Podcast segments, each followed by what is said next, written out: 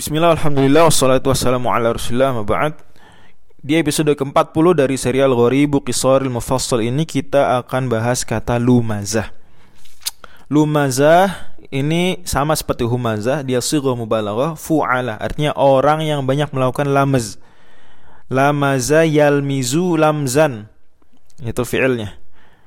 Artinya cara bahasa biasa uh, adalah mencela dan mencelanya terang-terangan, muajahatan, terang-terangan. Mencelanya tidak harus dengan lisan, yang penting mencela, bisa dengan isyarat mata dan demikian kata Imam Al-Fayumi memang asal kata lamzin dari mengeledek dengan anggota tubuh dengan isyarat-isyarat.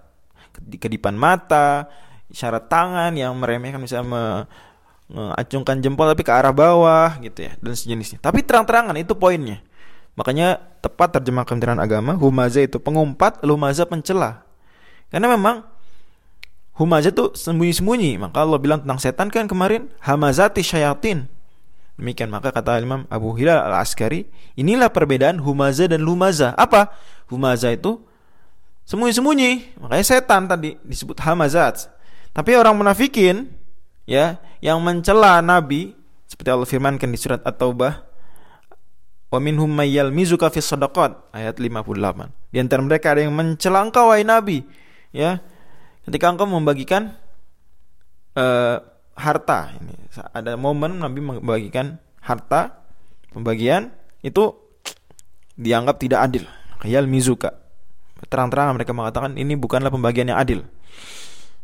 Jadi dengan kata-kata, tapi terang-terangan poinnya. Jadi mau dengan isyarat, mau dengan kata-kata. Kalau terang-terangan namanya lamaz. Di ayat yang uh, lain di surat yang sama, ayat 79 surat At-Taubah Allah firmankan alladzina yalmizunal mutawwi'ina minal mu'minina fis sadaqat. Orang-orang yang mencela orang beriman yang mau bersedekah kata mereka apa ini? Kalau sedekah banyak ini pasti pamer. Kalau sedekah sedikit dia bilang, "Oh, nggak butuh Allah tuh sedekah sedikit seperti ini." Mencela terang-terangan, ya. Dan kata lamaz ini makna istiqaqinya adalah mendorong ya dengan kuat, mendorong badan dengan kuat. Ya wajar. Sehingga kemudian celaan itu kan menyakitkan, menekan kejiwaan seorang. Sehingga disebut dengan lamaz. Namun penting juga diingat, sekalipun tadi sudah dibedakan humaza dan lumaza, kan tapi kalau itu kalau dua-duanya bergandengan, maka kita penting membedakan humaza lumaza bergandengan di ayat ini. Adapun kalau tidak bergandengan, maka mungkin saja dimaknai humazah juga mencakup lumazah, yakni hamas mencakup lamas dan lamas mencakup hamas wallah